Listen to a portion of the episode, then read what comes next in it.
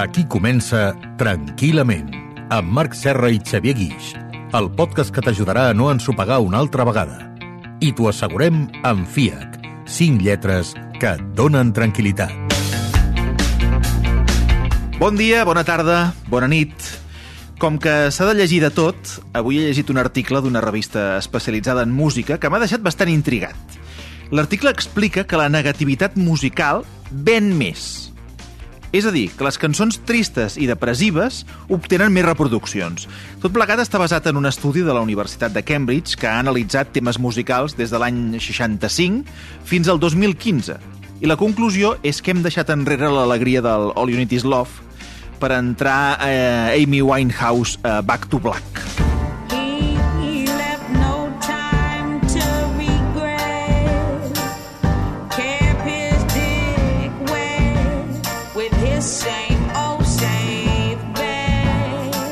Quina és l'explicació? Doncs que la negativitat augmenta les vendes i l'interès perquè genera empatia. És a dir, que quan escoltem una cançó trista pensem doncs escolta'm, potser tampoc estic tan malament i ens acaba consolant. Avui parlarem de la negativitat i de com aturar-la, de quan el cap ens diu que tot ens va malament i no és veritat.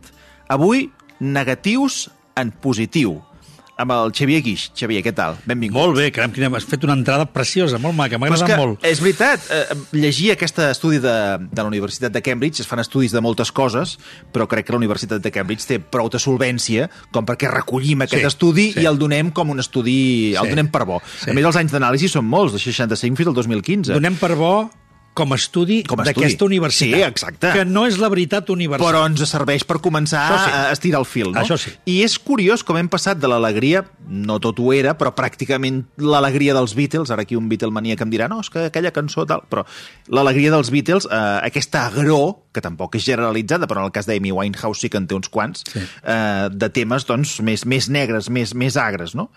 Però hi ha una cosa que sí que ens passa, que és que quan algú ens explica, i això et preguntaré el per què, una cosa negativa, podem intentar ajudar aquesta persona, però hi ha una cosa dins nostra que ens pot reconfortar. No? Quan algú ens explica un problema, o sigui, la nostra reacció de bueno, és, em sap greu, però jo no el tinc. Potser no estic tan malament. Potser no estic tan malament. Això, això, és, això és molt humà, no? Vull I tant. dir, això és, I tant. forma part de nosaltres. És que em sap greu eh, tant. eh, dir-ho així, però és que de vegades passa. És així.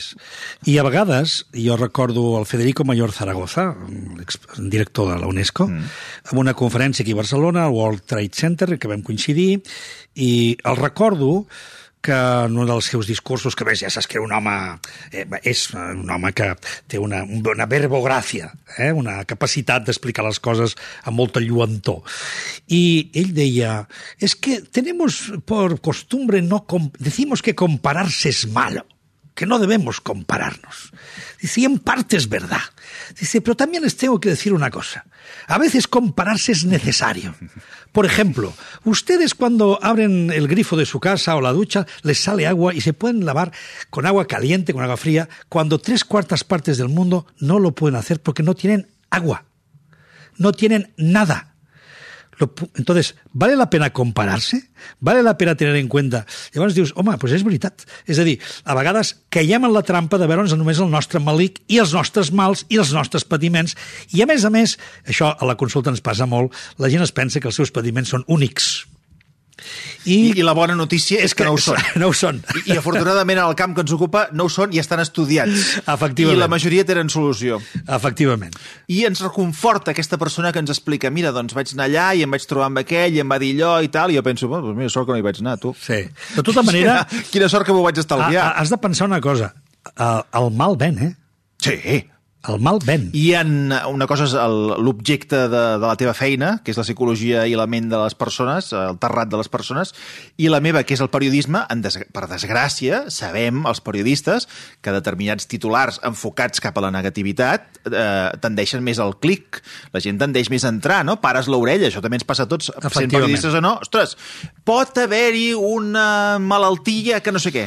La borsa que no sé quantos. Sí, sí. I ja, no vull dir noms, però hi ha persones, hi ha especialistes que han fet una carrera Exacte. eh, sent negatius. Exacte, jo recordo en una conferència que el conferenciant que va tenir més èxit, de fet el, el que de, tothom esperava, de tots els que vam participar, que érem uns Sí. quants, en una jornada tot un dia, i l'últim, que era com l'invitado, el gran invitado, el gran gurú, Sí.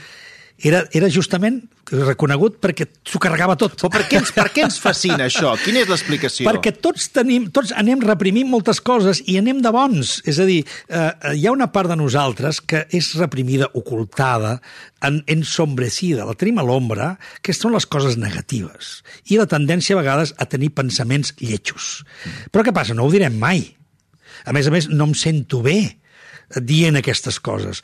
I no se m'acudiria mai mostrar-me ni tenir una conducta maligna.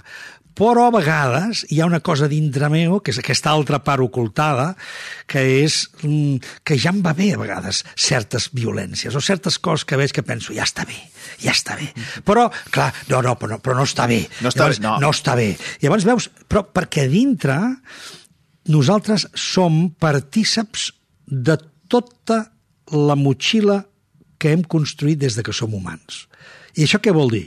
Que qualsevol persona que neix avui rep d'herència tota l'herència de la humanitat. I en ella hi va inclosa no només lo bonic, no només la gratitud, l'amor, l'altruisme, la capacitat de tirar endavant, la il·lusió, també hi ha les ombres.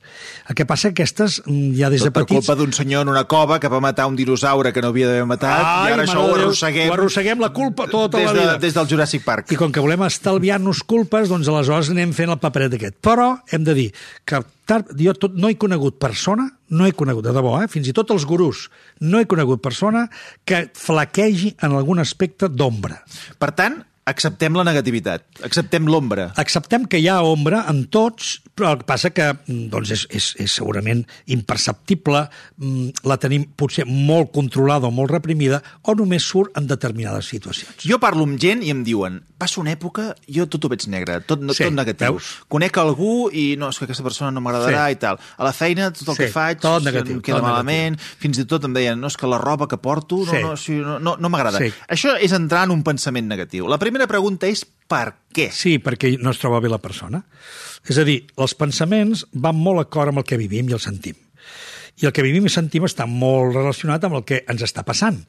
Per tant, la nostra manera que tenim d'interpretar emocionalment la vida, i som éssers perceptius i ens estem emocionant contínuament, està influint en els nostres pensaments, de la mateixa manera que els pensaments influeixen en els nostres estats emocionals. Per tant, això és un circuit que està recargolant-se contínuament. Per tant, si jo tinc, passo una mala època, he tingut un disgust, mm, hi ha hagut una mort a la família, um, no estic satisfet amb com estic vivint, etc etc, es va convertint a poc a poc en un pensament cada cop més negatiu. I no me'n dono compte, però cada cop, fins que a fora algú m'ho diu. Escolta, estàs molt negatiu últimament. Escolta, Clar, perquè pel que m'estàs explicant, o sigui, no és que tota la nostra part, la nostra vida sigui negativa, m'estàs dient que hi ha una part que té un pes que és negativa. I agafem aquesta part i, o sigui, i ho posem tot. I, tot, i- tot, i- pintem se'n tot va. de negre. Ah, exacte. Per tant, el filtre sempre és emocional. I llavors, el que li dona color a la nostra vida justament són les emocions. I, per tant, si hi he entrat amb una foscor, una grisó a la meva vida, probablement això, perquè sigui amb assonància, perquè sigui coherent pensament i sentiment, si estic sentint malament, pensaré malament. Si tinc gana, pensaré en menjar. És a dir, que el pensament funciona d'aquesta manera. A més, en aquest sentit és molt simple. És a dir, que seria estrany que visquéssim una època, diguem-ne, de, de, de tranquil·litat o de felicitat i tinguéssim molts pensaments negatius. És impossible. Impossible. És impossible. Jo a vegades faig un exercici que si vol algú que ens està escoltant el pot fer. A veure. Que és tancar A, els ulls... a veure, a veure on anirem a parar. No, no, és molt A senzill. És molt, és molt simple, és molt simple. Quan un psicòleg diu fem un exercici, no. agafa-t'hi. és molt A senzill. veure. Tanca els ulls, fes una rialla amplíssima, ben àmplia, eh? estigues en una actitud d'amplíssima rialla, no cal que facis ja-ja-ja, només que tinguis el rictus absolutament obert de felicitat i llavors intenta pensar en coses negatives. I veuràs que no pots. Ah, aquest m'ha agradat. Aquest, aquest me l'apunto. És, és, és perquè vegis la relació que existeix entre el que vivim, cos, emoció, i el que pensem. Val. Ara, dit això, llavors aquí introduïm un nou element que és, ah, però certes persones tendeixen anar-se'n cap al pensament negatiu. Sí.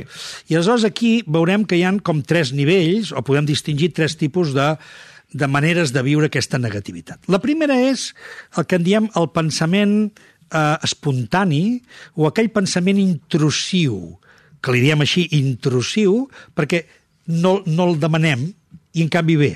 Jo estic a la platja i, i em ve un pensament negatiu. em ve un pensament que pot ser... mm, Saps que mm, potser et veuran que aquesta panxosa que faig i dius, va, deixa d'estar, que la gent està fent lo seu. Però imagina que... I, i, tu no hi estàs ni rumiant. No, no, hi està rumiant, t'ha vingut. Ha vingut. S'ha colat per allà al mig. Mm. Pots pensar qualsevol bestiesa. Puges a, a una terrassa amb uns amics, a fer una copeta a la nit, i mires cap a baix i veus... La... I de cop i volta ve un pensament. Et podies tirar. I dius, jo per què penso això? Llavors, pensaments intrusius d'aquests n'hi ha molts. I no tenen no, més validesa que això.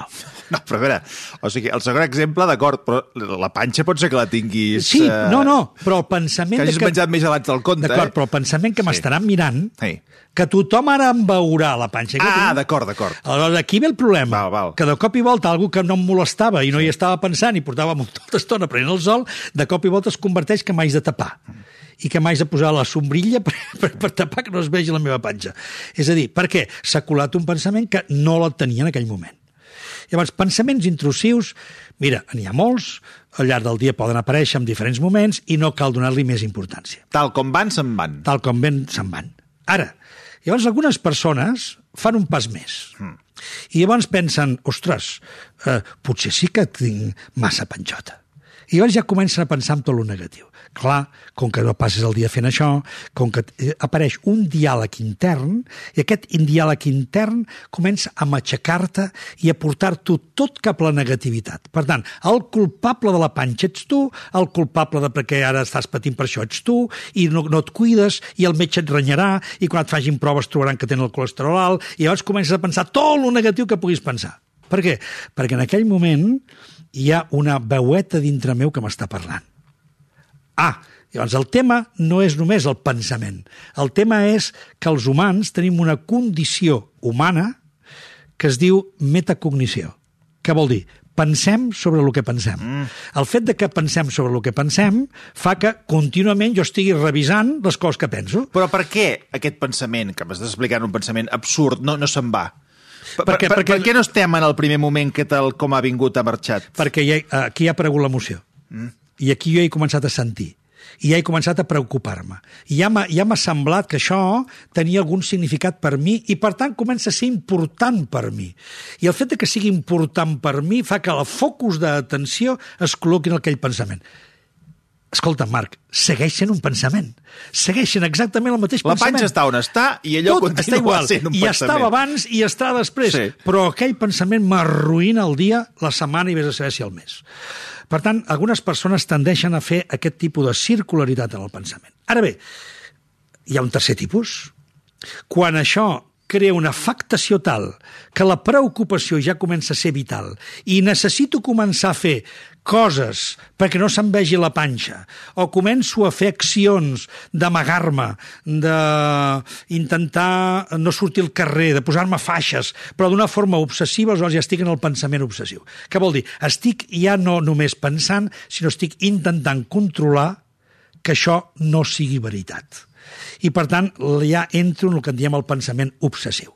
Aleshores, quan hi ha pensament, rumiació excessiva, estem en un pensament obsessiu, és una circularitat que porta que jo hagi de resoldre aquest problema i que l'hagi de resoldre fent alguna cosa. Per què? Perquè el, el pensament se m'està menjant tot a mi. Val, però amb el que m'estàs dient, ara ens hem agafat un exemple, ara en sortirem, eh? però amb el que m'estàs dient, és a dir, una persona que en aquell moment hagi tingut eh, i hagi portat a l'extrem que té la panxa massa, Sí. massa grossa, Sí. doncs mira, doncs, faig una mica d'esport... Eh, és a dir, hi ha una manera Sí. de resoldre-ho, si és que allò et preocupa, Senzilla, no? sí. Senzilla, fas esport, una mica de dieta, el que sigui, Ja i està. baixes de pes. Però, i quan tot això és irracional, Aquí està, quan és no, obsessiu. pots, quan no pots eh, pujar a la, a la balança i veure que has baixat pe- eh, pes, llavors què? Aleshores, aquí, és- que és això és el que en diem el trastorn obsessiu, que a vegades pot venir amb compulsió, a vegades no. Si és amb compulsió, ja li diem el TOC, eh, el trastorn obsessiu compulsiu. Que vol dir que aleshores ara ja m'haig de passar la vida intentant trobar-li una solució a aquest problema que m'he generat.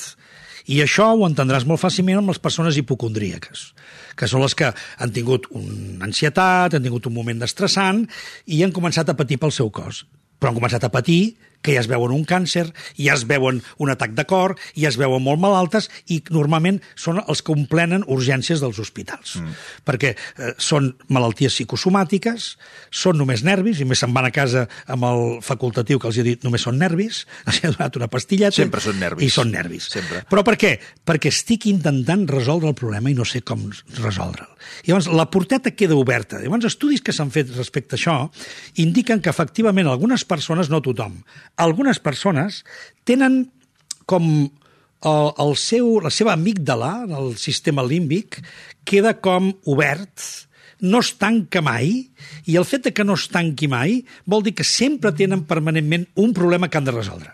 Clar, hem estat donant voltes al que seria, eh, no sé si dir-ne la, la teoria Ja, de la ja. negativitat. Sí. Eh? eh, explicar per què som negatius. Ens hem posat negatius. Ens hem posat molt negatius i ara ens hauríem de posar més positius intentant donar alguna pista, alguna guia de com frenar aquesta negativitat. Sí. Eh? Eh, allò que em dèiem, jo em llevo al matí, perquè deies, hi ha, hi ha diverses negativitats, no? Sí. Aquests pensaments negatius que van, que venen, Sí. uns que es queden més enganxats, Ah, no? Eh, però si sempre em va venint aquesta negativitat, Sí. com ho vaig parant, això? Mira, jo crec que el millor consell que et poden donar respecte a això mm. només és un. I és no lluitis contra aquests pensaments. Ah? Per tant, O sigui, no, no, t'hi encaparris, vols no, dir? no vulguis pensar en positiu.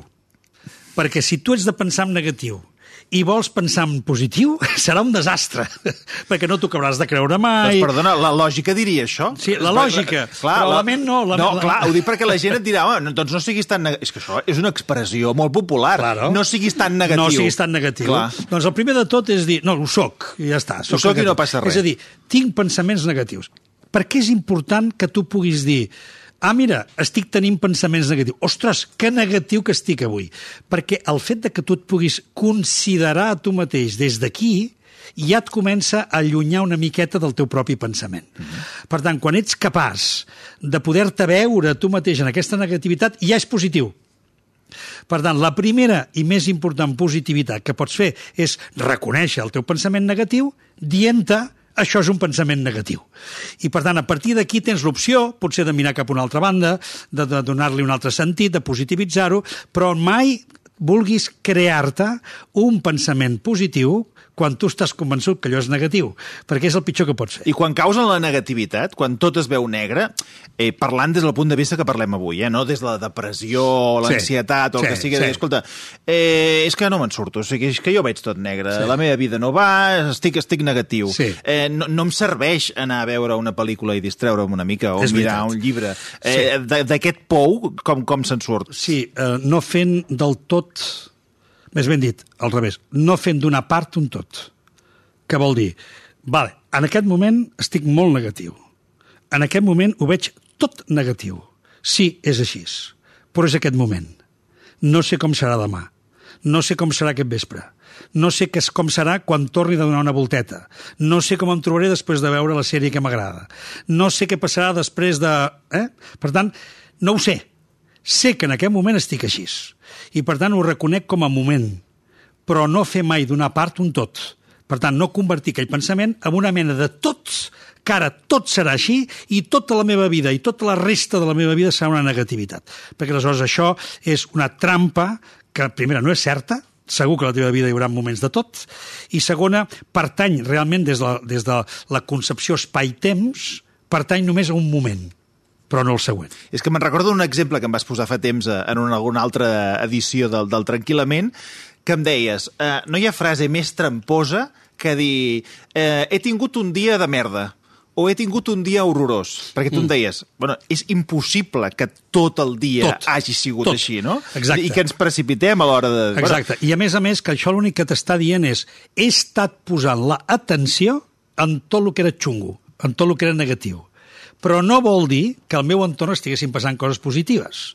Aleshores, la meva mare l'hem hagut d'hospitalitzar, hem hagut de córrer, ambulàncies, un merder, sí, però alhora a mi hi ha hagut una ambulància que ha vingut, t'han ajudat, has arribat, el metge t'ha dit, les infermeres t'han ajudat, no sé què, és a dir, si tu vols veure el Si negatiu... tot el que estàs dient ha passat, és tot positiu, eh? Perquè si ve l'ambulància de seguida, t'atenen de seguida i arribes No, a l'hospital i hi ha igual. un llit per tu, és tot molt positiu, eh? D'acord, però encara que, encara que no fos així, encara que t'hagis d'esperança, etc, però segur que en aquell moment dolent, xungo, hi han brots verds, hi han coses boniques, i aleshores has de poder veure l'un i també veure l'altre. Els apunts del Tranquil·lament. Xavier, el resum d'aquest podcast.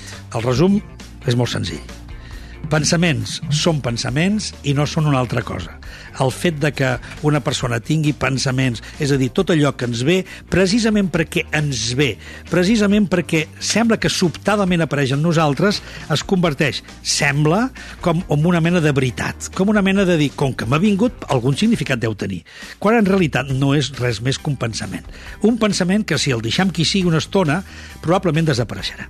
Per tant, pensaments intrusius, pensaments puntuals que tenim, no li hem de donar més importància. Si aquest pensament arriba a un estat major, ja ens anem a pensaments que comencen a crear-nos uns estats afectius negatius. Aleshores, la negativitat que estem vivint, eh, sobretot emocional, es converteix també en pensament negatiu.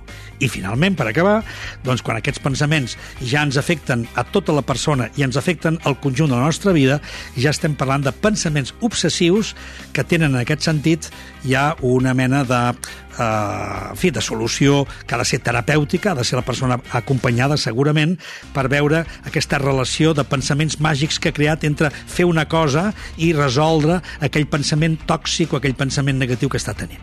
Per tant, si atenem aquest tipus de pensar i, sobretot, si atenem a la idea que els pensaments no són veritats, sinó són només pensaments, segurament tot això ens ajudarà molt. Avui, Xavier, negatius en positiu. Això mateix, mira, podríem dir-ho així. Fins la propera. Fins la propera... I fins aquí, Tranquil·lament, amb Marc Serra i Xavier Guix, el podcast que t'ajudarà a no ensopegar una altra vegada. I t'ho assegurem amb FIAC, cinc lletres que et donen tranquil·litat.